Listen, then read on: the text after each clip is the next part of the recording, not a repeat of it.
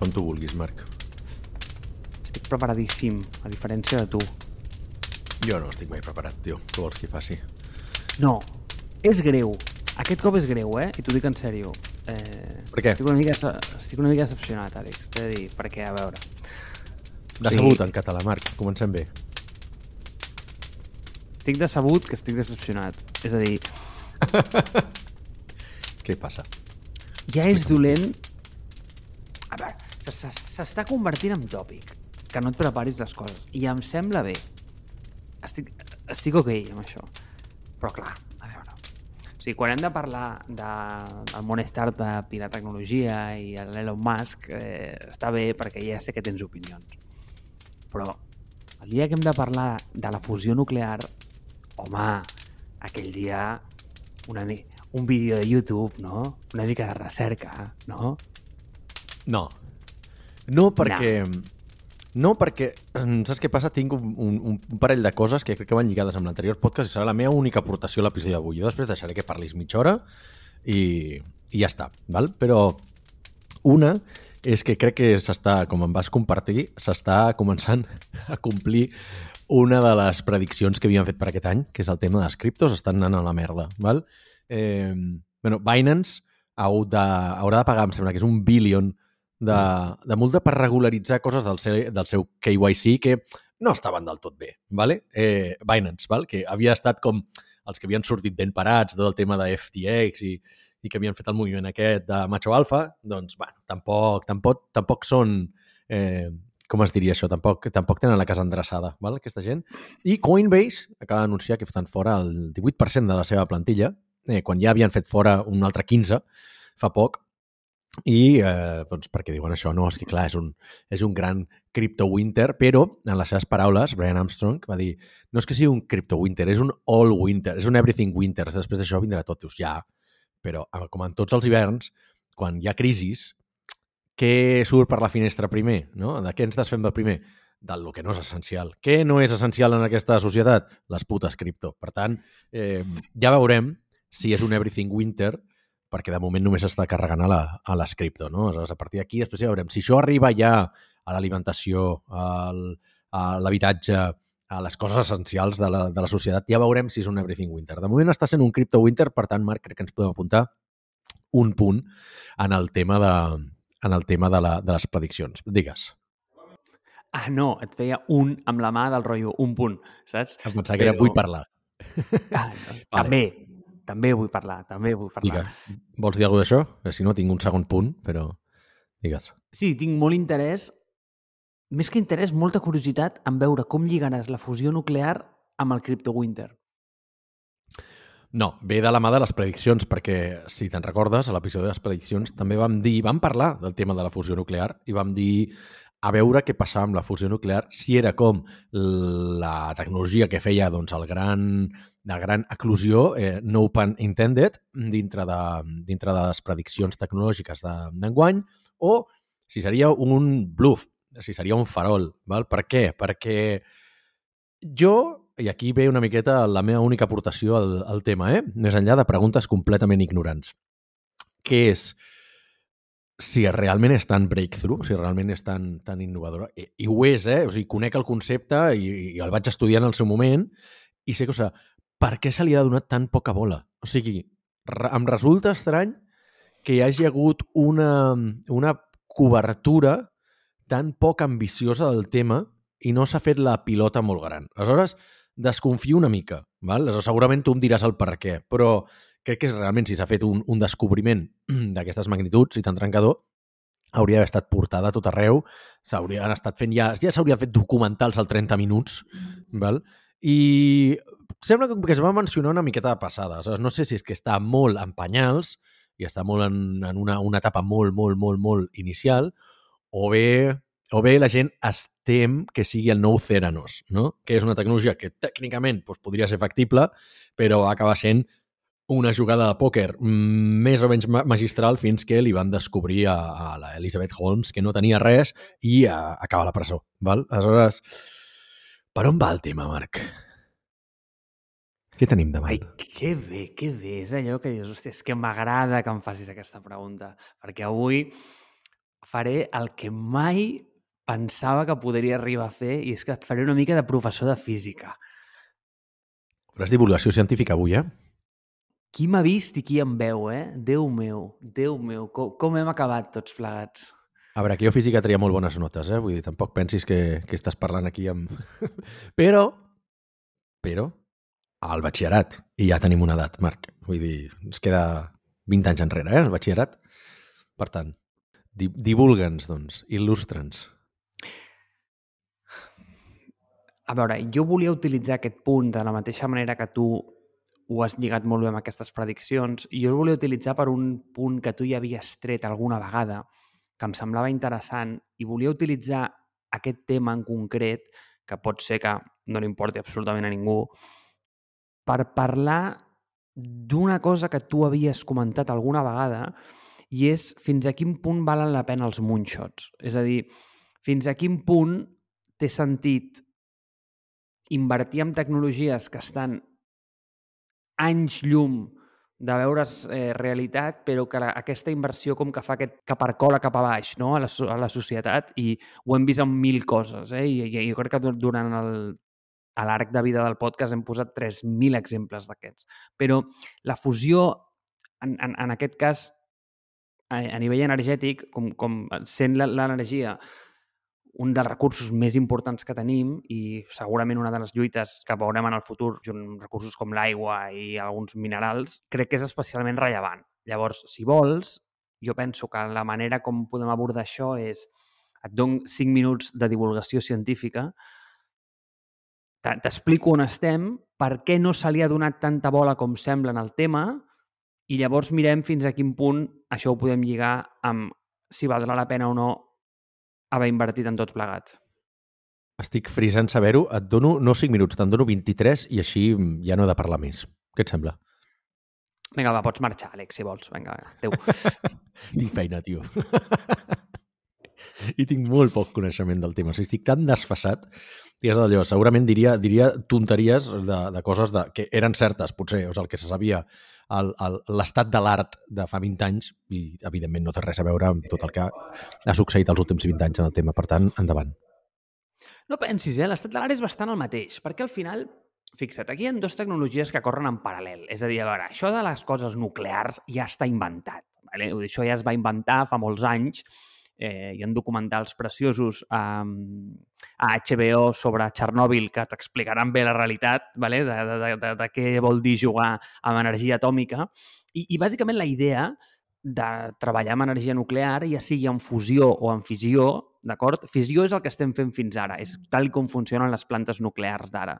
I quan tu parles de fissió, sempre parles d'aquesta idea de que tu tens un nucli molt pesat i el separes amb, amb dos nuclis més lleugers. Però la idea principal que s'està intentant treure'n aquí sempre és la mateixa, que és i ara per primera vegada, per primera vegada et servirà una mica la mítica fórmula que sempre has vist pel carrer però que mai saps com collons aplicar-la, doncs avui l'aplicarem. Física aplicada, nano, a foc a terra. T'explico la idea principal i la bellesa del, de l'energia nuclear, com el seu nom diu, nuclear, és que el que estàs fent és alliberar l'energia del, del, del nucli dels àtoms, d'acord? És a dir, tu quan a, a l'ESO estudies allò que hi ha nuclis i electrons, que si ets un tio curiós, el primer que et preguntes és com pot ser que allà al nucli tots siguin positius i, i no es separin entre ells. Hòstia, si el primer que m'ensenyen és que un imant, quan li poses el més i el menys, doncs, eh, junten i el més i el més no junten. Clar, llavors aquesta, eh, aquesta, això és la mare dels ous. Perquè allà dins, totes aquelles pilotetes més estan juntes per una cosa que es diu força nuclear. És una força diferent que l'electromagnètica, però és molt forta, molt forta, molt forta, molt forta, però a distàncies molt curtes, molt curtes, molt curtes. És a dir, a la que les separes una miqueta, ja comença a manar la força electromagnètica i llavors aquí ja eh, es perd això. Llavors, quina és la gràcia? I tornem al que estàvem dient. Qualsevol procés nuclear és que tu trenques aquesta energia del, del nucli i el, la idea sempre és la mateixa. I és que tu parteixes d'un element i te'n vas a un altre element o conjunt d'elements, en el cas de la fissió són dos nuclis més lleugers, en el cas de la fusió és un nucli més pesat, i resulta que en aquest procés hi ha una màgia i al principi del procés hi ha una diferència de massa amb el final del procés. I llavors dius, hòstia, com pot ser? No, hi, ha, hi ha un problema de, de, de principi de conservació de matèria aquí, no? I aquí està la gràcia, Àlex. Aquí és d'on venim a la fórmula aquella que sempre hem vist amb un grafiti pel carrer mai hem sabut què collons vol dir. E és igual a MC al quadrat, nen. Einstein a foc a terra. Que, quina és la idea? Quina és la idea? La idea és superfàcil. Si tu mires aquesta equació, com que tu tens la C, que és la velocitat de la llum al quadrat, tu no tens ni puta idea d'allò perquè és així. Però saps que és molt gran, ¿vale? és gegant, és molt gran allò. Llavors, com que un cantó tens la E i l'altre tens la M multiplicat per aquest factor tan gran, qualsevol delta de massa resulta amb una energia brutal, no? Llavors, aquesta és la gràcia del procés nuclear. Per això genera tanta energia. Què t'ha semblat aquesta explicació curta? De moment molt bé, eh, fàcil de seguir, per tant, vale. eh, agraeixo les teves dots divulgatives i pedagògiques. Crec que vale. tindria, tindries un futur eh, en el món de l'educació.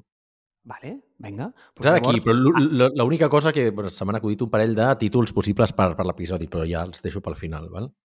D'acord, d'acord. Vinga, doncs Seguim. ara passem a, la, passem a la fusió, vale? perquè com dèiem, fins ara veníem de reactors de fissió nuclear, com dèiem això ja està inventat, el que tens és un nucli molt pesat, en aquest cas és un, un, un urani 235, que quan tu li tires un neutró es converteix en urani 236, matemàtica bàsica, vale? fins aquí bé, eh, li hem sumat un número al, al 235, però aquest nucli és inestable, llavors això eh, es separa amb bari i criptoni i llavors es separa amb això i resulta que si tu sumes el bari i el criptoni pesen menys que l'urani. Llavors, doncs, dius, macho, doncs, eh, la diferència de massa és l'energia que, que surt. Vale? Això, és la, això, és, això és la fissió, això és el que sabem fer. Vale? Això fins aquí bé. I ara ve el, el tema de la fusió. I dius, què és la fusió? Pues la fusió és al revés. És que tu, en lloc de separar dos, o sigui, un àtom pesat en, en, en dos amics, el que fas és que agafes dos amics lleugers i fas un més, un més gros. Això seria la, la, la fusió. Val? I dius, hòstia, com és que això és tan difícil, tu? Llavors, has de, el que has de fer és mirar cap a dalt. Has de mirar les estrelles. Dius, a veure, tio, com collons funciona una estrella? Per què collons allò sempre brilla i no hi ha allà una planta nuclear?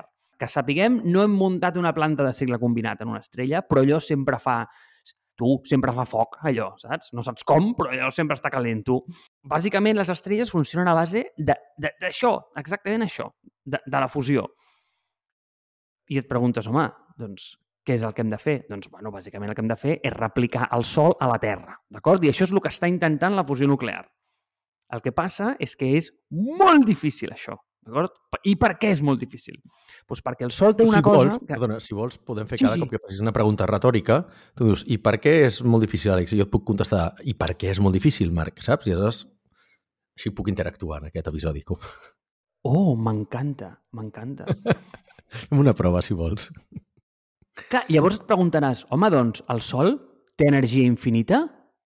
El Sol té energia infinita, Marc? Doncs M'agrada que em facis aquesta pregunta. Déu meu, això s'està convertint en un episodi del barri Samó. Escolta, escolta.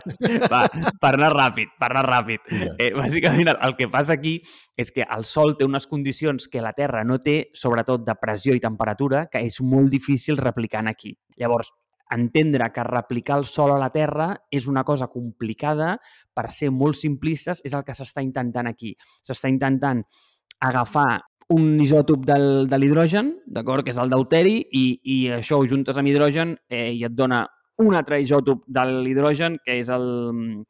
Saps que es diu triti o una cosa així, crec en català, i bàsicament això eh, és, la, és, és la fusió d'aquests dos elements, que, són més, que és més pesat que l'altre, la diferència de, de la massa és, de nou, el que estàvem dient abans. Per què això és millor i per què això és la? Primer, perquè no és una reacció en cadena, per tant, si alguna va malament, no passa res, d'acord? Igual que va passar en els reactors nuclears. La segona, per tant és molt més segur, és que el deuteri en si mateix no és tòxic, de la mateixa manera que el residu que surt de, de, de l'urani és fotut de collons. I, sobretot, la part interessant és que amb un gotet de deuteri podries... Aquestes estadístiques sempre molen Saps durant quant de temps, Àlex, podem alimentar el consum energètic d'una casa amb un gotet de deuteri? Segurament durant milions d'anys. T'has equivocat de 999.999 anys perquè és un, un any, És un vale? any, però vale. és un gotet, però, Però és un gotet, és un, ha- és un gotet, és res, és res. Però hi ha elements que realment amb un gotet de no res generen una quantitat d'energia que pots alimentar a casa durant, durant milions d'anys. Vull dir, si no, recomano llegir el llibre de, de Randall Munroe, i tu coneixeràs qui és, el llibre que es diu uh, What If. Randall Munroe és l'autor del, el- del webcòmic XKCD, val? aquest que és de ciència, matemàtica, tot això. Té un llibre de què passaria si? Val? I una de les preguntes que, o sigui, fa, la gent li fa preguntes, i una és molt bona, diu, què passaria si posessis un centímetre cúbic de cada element de la taula periòdica l'un al costat de l'altre. O sigui, si la recreessis en físic, val? o sigui, en, en el món analògic. I, bueno, bàsicament acaba l'univers acaba explotant perquè hi ha algun de, que els elements més inestables, els del final de la taula periòdica, eh, són tan extremadament radioactius que es destrueixen a si mateix i no tenen un, un, un, un span de vida de microsegons i generen explosions del tamany de nanoestrelles. Val? Vull dir que va per aquí el tema. Aleshores, per això sé que hi ha algun dels elements que és tan radioactiu que dona l'energia de, que necessita tot el planeta Terra durant no sé quants milers d'anys amb un centímetre cúbic d'aquest element. Val? Però bueno, perdó. Jo, tio, pensar que em diries això ja està inventat i és el que porta Iron Man aquí al pit. No, perquè no sóc molt fan jo del, del, o sigui, no, de, la ciència als superherois, saps? Vull dir, miro pel·li de superherois i el que faig és desactivar el cervell, perquè són pel·lis d'encefalograma plano. Val? Evidentment no em poso a pensar si això és realístic o no, perquè són superherois. No sé si m'entens. Anar a buscar quina és la ciència que... Hòstia, no, com ho fa això Superman? És impossible que faci. A veure, tio, és una pel·li, saps? Vull dir, no, no em poso a pensar si, si és físicament possible perquè és una pel·li, és ficció. Doncs pues, Àlex, tornant al punt, i per tancar aquest, aquest tema, és què passa? Què s'ha aconseguit aquí? Aquí s'ha aconseguit estabilitzar aquesta idea de la fusió, però el que no s'ha aconseguit, el que es coneix com el net energy gain, que què és? A veure, o sigui, per mantenir les condicions que permeten recrear el Sol a la Terra, i donat que no tenim la pressió ni la temperatura que genera el Sol, el que hem de fer és una puta salvatjada que no explicarem, d'acord? E- És animal. O sigui, recomano a qualsevol que es posi un vídeo a YouTube per, eh, i, i que miri què s'ha de fer per mantenir un reactor de fusió nuclear. bueno, o sigui, nen, bàsicament necessites una ciutat per fer funcionar tot, tot allò. Llavors, què s'ha aconseguit? Que la reacció en si mateix sigui eh, termodinàmicament favorable, però, però tot el conjunt d'elements que necessites per replicar-la, o sigui, no és que estigui lluny, no. És que està, bueno, mm, anys llum de que sigui viable i que pugui funcionar. Llavors, bàsicament, el que es va celebrar tant l'altre dia va ser exactament això, que això no s'havia aconseguit mai. I aquí és on vinc amb la idea aquesta i s'ha acabat la classe científica, o sigui, per aquells que han desconnectat i estan mirant el mòbil, ja poden tornar, vale? perquè ara ve la part interessant, fins a quin punt té sentit el tema dels moonshots i fins a quin no. Val? És a dir, perquè tu m'has preguntat què està canviant ara en aquest sector.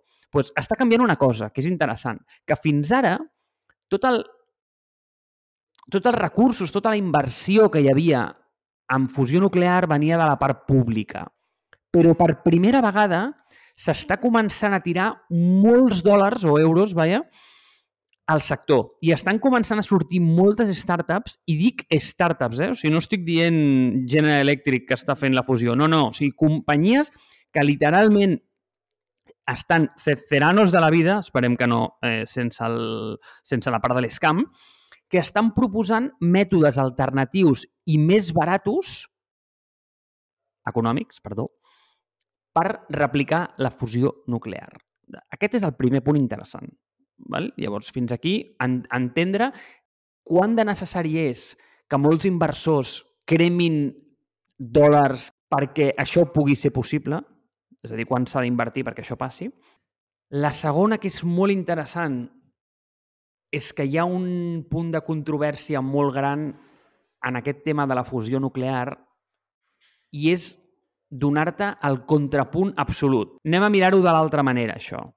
Atenció a la pregunta, perquè jo quan ho vaig escoltar vaig pensar, ja, tio, és que com no ho havies pensat abans? dius, a veure, xato, si bàsicament el que estàs intentant és recrear el sol a la Terra, i això és com bastant impossible, no has pensat ja que sol ja en tens un, que no para de brillar, és gratis i el seu residu es diu energia solar que sabem aprofitar. I igual aquests diners s'haurien d'invertir en millorar l'eficiència de les plaques solars, que ja està inventat. Eh, eh, eh, o sigui, quan escoltes aquesta retòrica, dius, hm, igual té sentit, no? Perquè dius, a veure, eh, no cal replicar el sol a la Terra perquè així a mà no el tenim el sol. Igual el sol ja el va inventar algú, gràcies a Déu, possiblement aprofitar el que ens està donant d'una manera més eficient a la Terra, home, això ja ho sabem fer. Doncs, escolta, invertim en això, no? Potser, en lloc de fotre plantes de 27 quilòmetres de, de, de diàmetre mm, per perdre energia doquier, no? Mm, no sé, eh, aquesta és com, és com la idea que hi ha al darrere. Llavors, veig que per un costat el que està passant és que la part pública està deixant de tenir protagonisme i realment qui està empujant aquest tema és la part privada, cosa que té, jo, jo penso que té molt de sentit, és molt semblant al que va passar amb SpaceX, i per cert, petita interjecció dins del de meu rant infinit, i és, hòstia, l'altre dia vaig conèixer mm, aquesta companyia americana que es diu Relativity, que bàsicament el que fa és que no porta Space... Uf, Àlex, tio, porta SpaceX a l'extrem. O sigui, eh, ja no és un tema de reutilitzar coets, i és que estan imprimint en 3D totes i cada una de les peces d'un coet. T'hi cagues, eh? És acollonant. És acollonant. Els estic fotent un vistazo ara mateix, eh? Els veus? Sí, és, és heavy, eh? Bueno, en fi. Bueno, és la típica eh... empresa que, que funcionarà perquè, bàsicament, el, el grau d'innovació que imposen és uh, d'ordres de magnitud, no? Aquí posa, diu, eh, fas 100 vegades menys parts Vull dir, produeixes 10 vegades més ràpid, saps? Vull dir, segurament el cost també és 10 vegades més barat o 100 vegades més barat. Per tant, eh, només per aquest ordre d'innovació ja és una empresa que ha d'anar bé, saps? Aconsegueix diversos 10x, que se solen dir. Doncs aquí la, la meva aportació al dia. I llavors, fins aquí, o sigui, aquest és, penso que és una de les coses, un dels trending, un dels mm, tòpics que estan passant i l'altre és aquest, no? És el de, hòstia, val la pena invertir en això? O per altra banda, igual millor invertir en algú que ja està inventat i iterar sobre això i generar tecnologies incrementals que al final et portaran al mateix lloc. A veure, jo no, soc, jo no tinc ni puta idea, veure, en resum. Mm, què en penses, fill meu? M'agrada l'acostament que has fet o l'anàlisi que has fet, perquè no és populista, no és sensacionalista, no és el de... No és el que, el que direm el que hauria fet un expert digital, que comentàvem a l'anterior episodi, que diria, bueno, prepareu-vos, eh, que el futur ja és aquí, perquè ara amb la fusió nuclear ja podrem, escolta, podrem travessar l'univers i podrem viatjar, explorar noves fronteres i conèixer altres civilitzacions i podrem curar el càncer, saps? Demà és que és, és el que diran els, el, els experts digitals eh, quan surtin a TV3 i a Catalunya Ràdio, ja t'ho dic. Si no ho han dit ja, eh? Dit això, eh, clar, jo des, del, des de la meva mm, absoluta ignorància del tema, clar, ho havia connectat molt a Ceranos, no? Pel, pel simple fet aquest de dir potser ha estat una manera molt, molt cautelosa de comentar-ho per no crear expectativa, per no, saps? Vull dir, per, per no generar hype. Però és veritat que realment si, si això està passant i, i ha passat, cal que ens ho prenguem amb calma, no? Cal que es faci bé perquè un moviment en fals pot desacreditar tota la invenció, no? que és el que ha passat amb, amb altres sectors que doncs, segurament tota la, la recerca genèric, eh, genètica es va veure esquitxada de l'escàndol de Theranos. I tots els progressos que es van fer en inversió, en acostar-ho al públic generalista, en quota de mercat, van retrocedir uns anys perquè eh, es va perdre credibilitat per culpa de eh, Theranos, no? I no voldria que passés aquí. Mm, no en tinc ni idea quan de prop estem de veure aplicacions reals d'això, però evidentment que la innovació arribarà pel sector privat aquí. I estic molt d'acord amb el que dius tu. O sigui, què collons hem d'anar a, a, a inventar-nos coses quan hi ha algunes que ja funcionen i funcionen molt bé, com el que dius tu, el sol. No sé si d'alguna manera, que això també deu ser complicat, però vull dir, eh, i l'hauries de mesurar des de fora de la Terra, però vull dir, l'energia cinètica que produeix la mateixa Terra per estar en rotació i, i, i en constant moviment i en translació, doncs, a- evidentment que també ha de ser una energia que s'hauria de poder capturar d'alguna manera. Segurament no tenim la tecnologia, eh? però és gratuïta i està allà. Val? Eh, I també és infinita, en aquest sentit. Per tant, estic molt d'acord en la manera de pensar teva de dir anem a optimitzar el que ja tenim, que és gratuït. És igual que ja s'ha invertit molt en fàbriques eòliques, que discutirem si són bones o no pel, els, els grans molins, si són bons o no pel, pel medi ambient, perquè ja sabem també els problemes que causen i les avantatges que donen, eh? però segur que es poden refinar molt més per fer-los molt menys intrusius.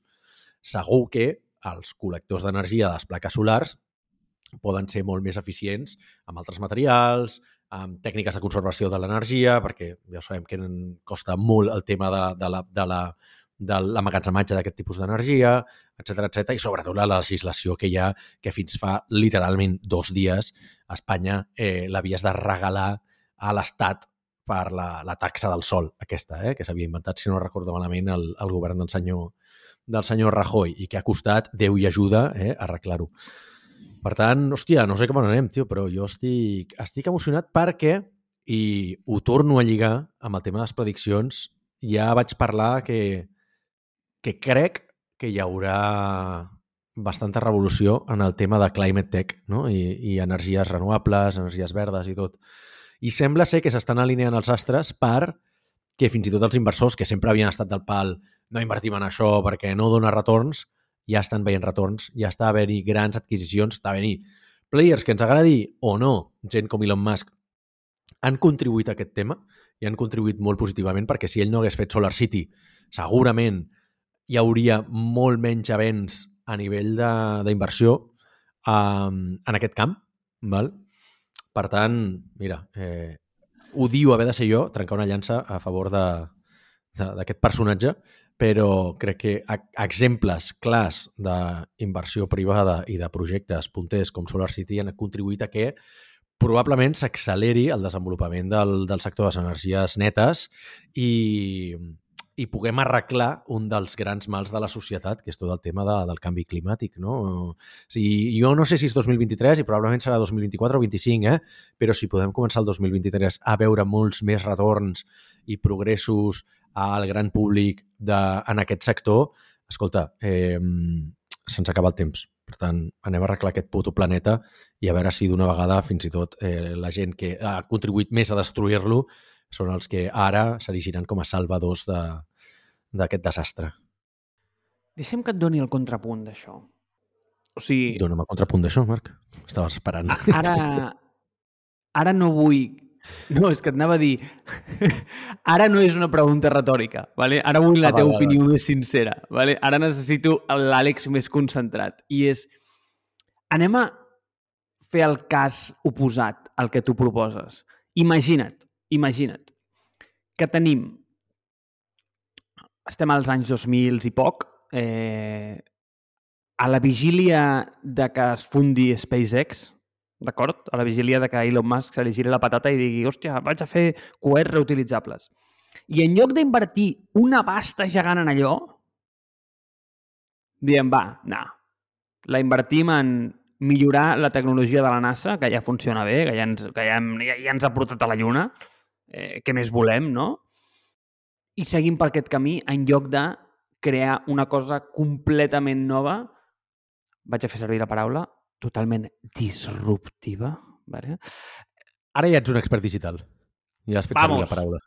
Vinga. Vamos, això és el que volia. Eh, pensar que em diries un... És que m'agrada molt quan utilitzes la paraula cunyat. És que em fa molta gràcia el concepte cunyat.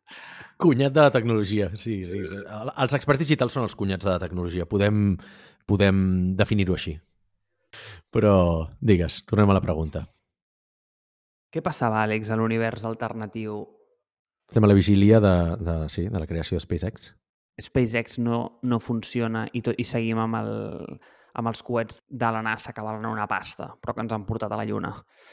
Doncs que probablement el progrés de l'exploració espacial va més lent i com a tal, o sigui, hi ha menys investigació privada, com a tal, el que dius tu, no? la, la, la recerca, les troballes que al final acaben percolant a la societat són menors no? i amb, depens més de d'una sola empresa, que una sola entitat, com és la NASA, quan pots tenir altres grans players que el que han fet és posar no només competència, sinó competitivitat, com ha fet SpaceX i ha dit, ei, escolta, espavila, que nosaltres estem fent les coses molt més ràpid i molt més barat i de manera molt més eficient, per tant, que vosaltres que porteu 200 anys enviant coets i, i mira lents que sou, i mira nosaltres amb 10 anys d'existència us hem passat la mà per la cara.